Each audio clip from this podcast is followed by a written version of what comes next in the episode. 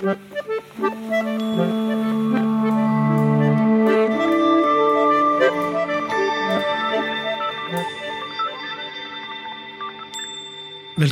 til podkasten Ytringsklima. Her snakker vi om hvordan folk snakker sammen på jobb. Eh, mitt navn er Øyvind Kvalnes, jeg er professor ved Handelshøyskolen BI. Og gjest i dag, det er Ylva Lindberg, som er direktør for strategi og kommunikasjon i Norfund. Velkommen, Ylva. Tusen takk, Øyvind. Det er stas å være her. Jeg er veldig glad for at du ville komme her og, og snakke litt om ytringsklima og hvilke utfordringer som har vært eh, hos dere, og som, hvordan, hvordan, du tenker rundt, eh, rundt ytringsklima. Uh, men kan du ikke starte med å fortelle oss kort hva er Norfund, hvor du er direktør? Gjerne. Eh, Norfund investerer i utviklingsland for å være med å skape arbeidsplasser og redusere fattigdom. Så vi er en investor, men vi er en investor med et veldig spesielt formål. Eh, vi er en del av norsk bistand og skal da bidra til å redusere fattigdom. Eh, men vi gjør dette gjennom kommersielle investeringer, så vi gir ikke vekk penger, men vi investerer i selskaper som i sin tur da kan vokse, bli lønnsomme og skape arbeidsplasser. Så investerer vi mye i fornybar energi. Eh, vi investerer òg en del i finansinstitusjoner, så banker, mikrofinans og sånne ting. I landbruk, eh, i industriproduksjon og gjennom fond. Eh, og vi fyller 25 år i år, så vi har holdt på ganske lenge. Mm. Og investerer da veldig mye av det vi gjør i Afrika, men òg i Latin-Amerika og i Asia. Det er en fin, fin bakgrunn, og da tenker jeg jo at i Norfund så tar dere beslutninger og dere gjør vurderinger som, hvor det er viktig med et eh, ytringsklima som fungerer. At dere får eh, motstand underveis, at det er gode prosesser på og, og, og lav terskel for å være uenig, f.eks. Mm. Men det er helt riktig, eh, og det er jo litt fordi eh, Norfund skal på mange måter prøve å gjøre flere ting på en gang. Eh, vi skal investere for å skape jobber og redusere fattigdom, men en forutsetning er òg at vi skal skape en positiv finansiell avkastning. Og så skal vi investere i noen av de aller vanskeligste landene i verden, eh, eksempel Myanmar, eh, Etiopia, Zimbabwe. Samtidig som vi skal opprettholde de høyeste standardene for ansvarlig næringsliv. Så ofte så står motstridende hensyn mot hverandre, og det gjelder å finne en balanse. Og da trenger vi jo at ulike si, hensyn og synspunkter tas opp, og at det er god mulighet for å bryne disse mot hverandre. For det er jo bare sånn vi klarer å gjøre de gode avveiningene. Så er det jo ikke alltid at ting blir rett. Når vi gjør sånne vanskelige investeringer som vi gjør, så kan vi trå feil, men da må vi ha gjort de rette vurderingene i forkant. Nettopp. Så mye av det vi har tematisert innunder ytringsklima i denne podkasten, er jo uh, disse prosessene i forkant av beslutninger, da, hvor man uh, trenger motstand og trenger modige stemmer som tar ordet og ytrer seg. Uh, men for et par år siden så opplevde dere en ganske dramatisk sak. Dere ble svindlet for 100 millioner kroner. Eh, noen hadde klart å hacke seg inn på deres eh, e-postsystem. Eh, kan ikke du fortelle hva som skjedde? Mm. Vi ble utsatt for alvorlig svindel, som du sier. Det var datahackere som kom seg inn i e-postkorrespondansen mellom oss og en av våre låntakere, en mikrofinansinstitusjon i Kambodsja. Og så gikk de inn og manipulerte kommunikasjonen mellom oss og låntaker. De forfalska e-poster, de forfalska fakturaer på det jeg må si var en ganske imponerende og troverdig måte, og på den måten så klarte de da å få til en betaling som skulle til en bank i Kambodsja, til å i stedet gå til en bank i Mexico. Samme navn på betalingsmottakeren, men selvfølgelig da feil mottaker. Og det var alvorlig, eh, og det var vondt for alle som jobber i Norfund. Nettopp. Eh, men hva slags prosesser har dere hatt i etterkant? Fordi dette er jo eh, prosesser hvor, man, hvor, folk skal følge med og være, være påpasselige. Um, hva har dere tenkt i etterkant om, om systemene deres og, og, terskelen for å si ifra, f.eks.? Mm. Altså, for det første så er jo det faktum at dette skjedde, det viste jo at de systemene og rutinene som vi hadde på plass, de var ikke gode nok. Um, og vi har eh, gjort oss både mange tanker og mange analyser internt i etterkant. En vurdering av det som har skjedd, hvorfor det har skjedd, hva vi kan gjøre for å forhindre at det skjer igjen. Og så hadde vi òg en ekstern, uavhengig evaluering. Og der kan du si det er noen ting som er eh, de litt mer eh, håndfaste delene av en sånn evaluering, sant? med systemer, rutiner, hvordan betalingsprosesser foregår internt, eh, som da ikke var gode nok, og som vi har jobba for å styrke. Og det var òg da, eh, som ble påpekt, både internt, men òg eksternt, at eh, kompetansen måtte styrkes. Sånn at eh, vi alle vet hva som skal gjøres, og på hvilken måte det skal gjøres. Eh, og så er det ett element som jeg tror mange organisasjoner sliter med, og det er å få gjort ting i praksis. Sant? Vi har gode rutiner, vi har systemer, vi har prosedyrer og retningslinjer, men at dette òg må bli en del av måten folk jobber på hver dag. Eh, og så var det en, en annen type læring da, som jo er hvor sårbare vi er som organisasjon. Eh, og i Norfund så er vi vant til å tenke risiko. Sant? Når du investerer i sånne type land som vi gjør, så lever vi med risiko hele veien. Eh, risiko for korrupsjon, eh, risiko for at det kan finnes barnearbeidere i, leverandørselskaper osv. Men vi hadde nok for, vi hadde mye oppmerksomhet rundt det, og kanskje for lite rundt andre ting, de mer operasjonelle delene av virksomheten. Så det var òg en, en, viktig læring for oss. Så var det sånn at denne svindelen den ble oppdaga internt av en av våre medarbeidere. Eh, og det er jo bra at den ble det, og at det var ytringsklima som tilsa at man kunne si fra. Eh, men eh, det kan nok alltid bli bedre, det òg. Mm. Nettopp. Jeg også, eh, Når jeg hører denne historien, så tenker jeg også på eh, om det er et element av det som jeg kan kalle for tilskuereffekt her. Da. Om det har vært flere hos dere som har hatt et ansvar for å følge nøye med på ting, på detaljene i en transaksjon. Mm. Uh, hvor det fort kan bli slik at hver og en av disse som skal følge nøye med, tenker at uh, jeg har det travelt, men heldigvis er det noen andre som skal kikke på mm. disse, denne dokumentasjonen. Har det vært et element av det også i denne prosessen? Mm. Det kan være to deler. Det ene er, og det ble påpekt av de som har evaluert eksternt òg, at de systemene vi bruker de kan bli tydeligere. Hvem er det som har ansvar for hva? For hvis du ikke har det, og som du sier at det er flere som er inne i en prosess, så kan du da ha lett for å stole på at det er noen andre som kanskje vet mer, har mer tid eller er flinkere enn meg, som da kan gjøre dette bedre. Og på den måten så kan du pulverisere ansvaret. Eh, så det tror jeg nok at man kan se i flere situasjoner. Og så kan si, Dette har jo du vært inne på før, Øyvind, den litt negative delen av å ha et godt ytringsklima. At du kanskje da har så stor tillit til dine kolleger, at du føler deg omgitt av så flinke folk, at eh, da vet du at det er en, en, stor mulighet og egentlig et ønske om å si fra, så det er kanskje ikke så viktig at jeg sier fra.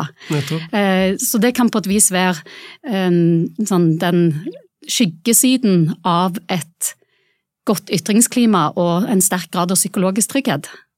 Det er kjempeinteressant, syns jeg. Det, det, innebærer at hvis den psykologiske tryggheten er høy, og terskelen for å si fra er lav, så kan hver enkelt person komme til å tenke at hvis det er noe alvorlig galt her, så har jo jeg så dyktige og flinke og modige kollegaer at mm. da er det sikkert noen som vil si fra. Hvem skulle trodd at det er en ulempe å ha så gode kolleger som du stoler på? Ikke sant? ja. Men jeg, jeg, tror dette er viktige saker, altså ting som eh, det gjelder å være oppmerksom på. fordi mm. jeg tror hvis man har en fornemmelse av at her hos oss er det høy grad av psykologisk trygghet, vi sier fra hvis det er noe vi stusser over, så kan det skape en slags sløvhet. Mm. Kan, nå, nå, tenker jeg at da bør vi jo være gode til å bevare den psykologiske tryggheten, men hele veien òg skjønne hva den eventuelt kan medføre av litt sånn uheldige sideeffekter. En av de tingene som vi snakker en del om i, i mitt team, er noen, på engelsk 'obligation to dissent'. At det er ikke bare sånn at du har lov til å si ifra, men det er en plikt om å si ifra. Eh, og det er fordi man ikke skal føle at det er noe man trenger å be om lov til, at det skal være en mulighet, men at det faktisk er noe som gjør oss bedre, da. Nettopp. Mm. Det minner om et skille som jeg har trukket mellom ytringsfrihet på den ene siden, som vi snakker veldig mye om, og så ytringsansvar på den andre siden, som vi egentlig ikke snakker like mye om. Så jeg tror at en slags ytringsetikk trenger begge de momentene. Da. Både det at eh, vi har ytringsfrihet, og det ytringsfrihet innebærer jo også friheten til å være taus. Eh, men at i noen kritiske situasjoner så har du faktisk et eh, ytringsansvar. da. Det tror jeg du har helt rett i, at vi må ha med oss begge de to delene. Eh, men litt for ofte så tror jeg vel òg at vi tenker på ytringsfrihet eller ytringsansvar som at du skal si noe, at du skal fremme noe. Eh, men noen ganger så kan det være minst like ansvarlig å velge å ikke si noe. Eh, og at det kan både gi rom for andre til å si noe, men kanskje òg at det ikke alltid som alt trengs å påpekes heller.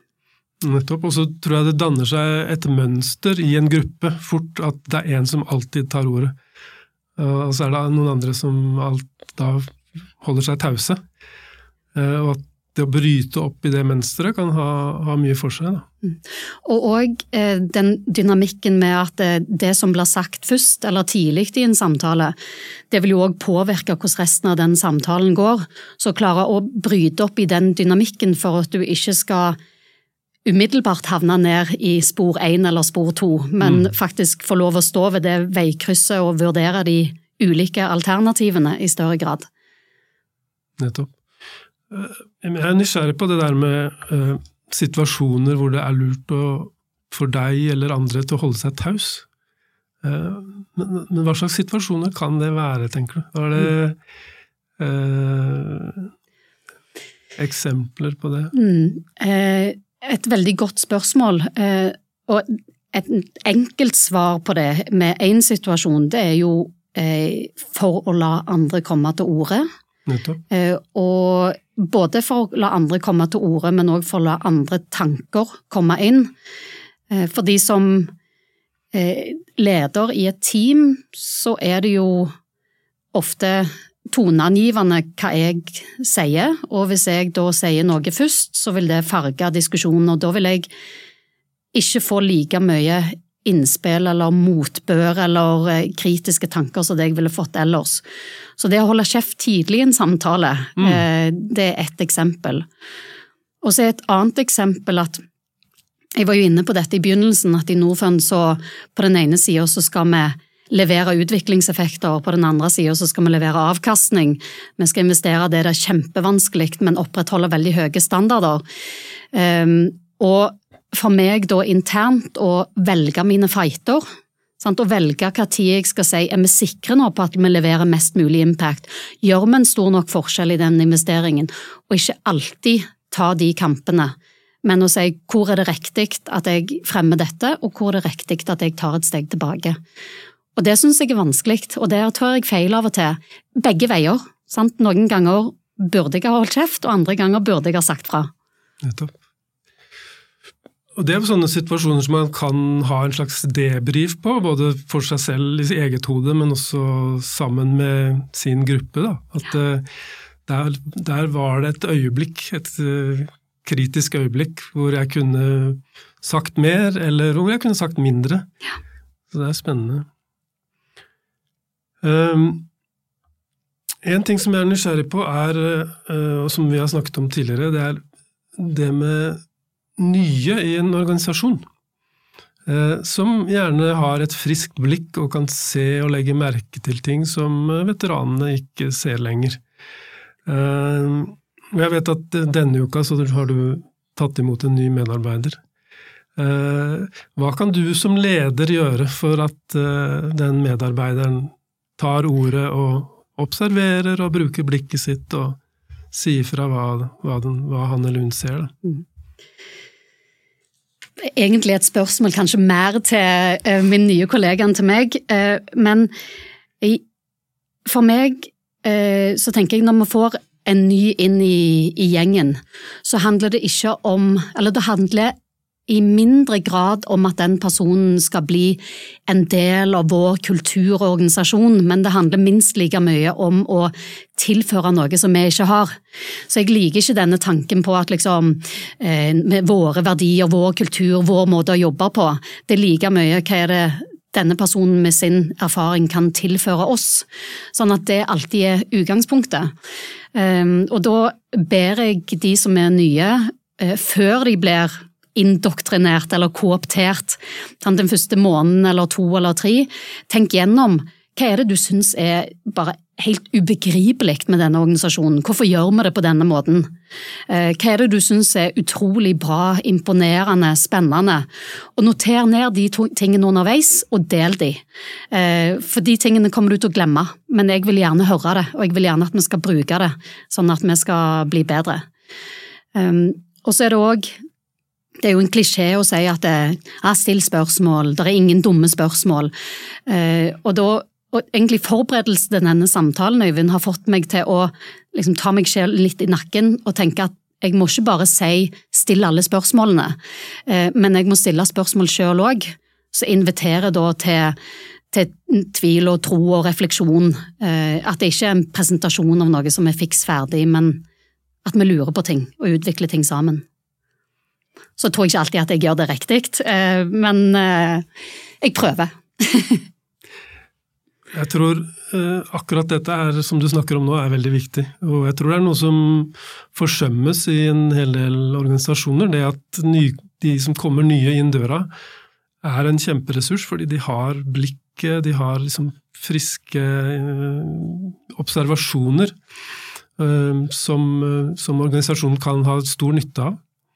Eh, så derfor tror jeg det er akkurat det du sier med å invitere dem aktivt til å kanskje notere. Kanskje det er en viktig sak. altså At de mm. ikke bare skal spare på det oppi hodet, men eh, faktisk skrive det ned. Mm. Vi skal ha eh, en samling med avdelingen om halvannen uke. og Det er det ei som har vært i Norfund siden august. og Da skal én sesjon er da hennes. Eh, og den heter noe sånn som alle de eh, kule tingene og alle de rare tingene som du har sett i Norfund siden august. Nettopp. Mm. Så det gleder jeg meg til. Så den nyansatte som får en sånn invitasjon og får arenaen, må jo også tenke eh, strategisk, på en måte. Eh, kan jeg virkelig åpne meg opp og være helt dønn ærlig eller er det visse temaer jeg bør uh, styre utenom, på en måte? Så det er jo en test på ja, psykologisk trygghet og uh, trygge rammer. Det har du rett i, og det er kanskje lett for meg å tenke at her er det en kjempefin mulighet til å dele tanker og refleksjoner, og at i mitt hode så kan dette være et trygt sted og min intensjon er at jeg har lyst til å lytte og lære, eh, men det er jo ikke nødvendigvis sånn at det oppfattes sånn av en ganske ung og ny medarbeider.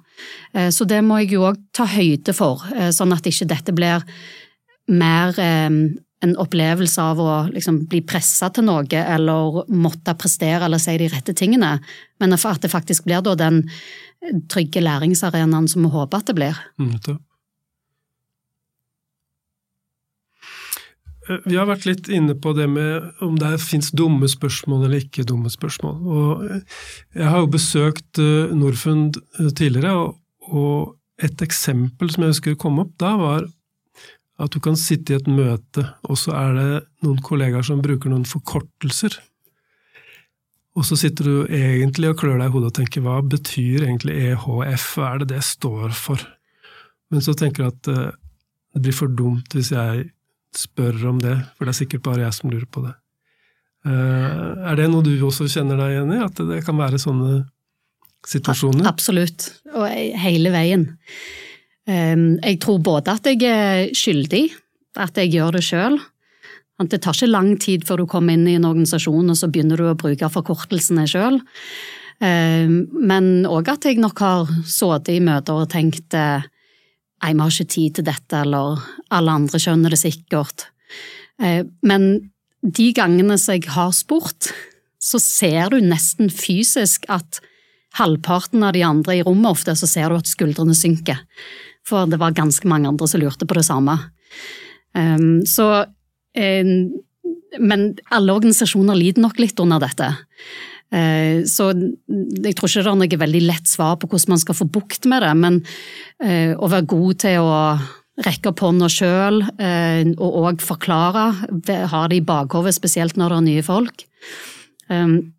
Men jeg har eh, gjort mye av det sjøl. Jeg tror jeg fortalte deg en, en, tidligere gang når jeg var ganske ny i et styre for mange år siden, og følte at jeg ikke skjønte noen ting. Um, og det var både tallene og det var forkortelser, så det var en god kombinasjon av masse. Og så klager jeg med nød til min far og sa at jeg tror ikke jeg har noen ting å gjøre på denne plassen. For jeg skjønner ingenting, og dermed så har jeg ingenting å tilføre. Og da sa min pappa, han er jo veldig glad i meg, og han syns jo godt om meg, men da sa han noe som jeg syns er litt lurt, da. Det at hvis det er noe du ikke skjønner, så er det enten fordi at du ikke har nok informasjon, eller fordi at det er uklart, og det er aldri, aldri fordi du er dum. Eh, og det prøver jeg å huske på, da. Ja. Og nå vet jeg at det, liksom, Jeg har jo mine dumme sider, jeg òg, og min pappa er min pappa, men ved å huske på det, så tror jeg at man kan løse opp i noen av disse forkortelsene. Og de, det kan jo brukes på flere måter. Sant? Noen ganger så brukes den type stammespråk eh, fordi at det er en del av organisasjonen, man tenker seg ikke om. Eh, men andre ganger så kan sånt stammespråk òg brukes eh, som et maktinstrument for å forvirre andre eller få gjennom ting, eller Så det kan brukes på forskjellige måter. Nettopp. Og jeg tror jeg har vært nysgjerrig på akkurat det der når det gjelder de som er nye et sted. Da. Så eh, er det Det kan sitte langt inne å si at jeg skjønner ikke de forkortelsene som er i omløp her. Eh, og en del forskning tyder på at det er ikke noen kjønnsforskjeller. At menn venter i det lengste med å si at dette skjønner jeg ikke, fordi de syns det er for stort sosialt tap at helt i begynnelsen på en ny arbeidsplass så skal du på en måte markere at du er smart, og at du henger med i hva som foregår her, osv. Uh, mens uh, det ser ut, ut fra den forskningen da, at kvinner uh, har, ikke nøler så mye med å, med å, spørre. Vet ikke om det er noe du har observert heller, men det ja. Ikke som jeg kan huske, og ikke som jeg har tenkt på. Uh, men det ville jo vært interessant å skjønne litt mer om hvorfor det er sånn. Ja. Um, ja. Jeg har eh, vært borti et par eksempler, ganske dramatiske eksempler fra, fra norske sykehus.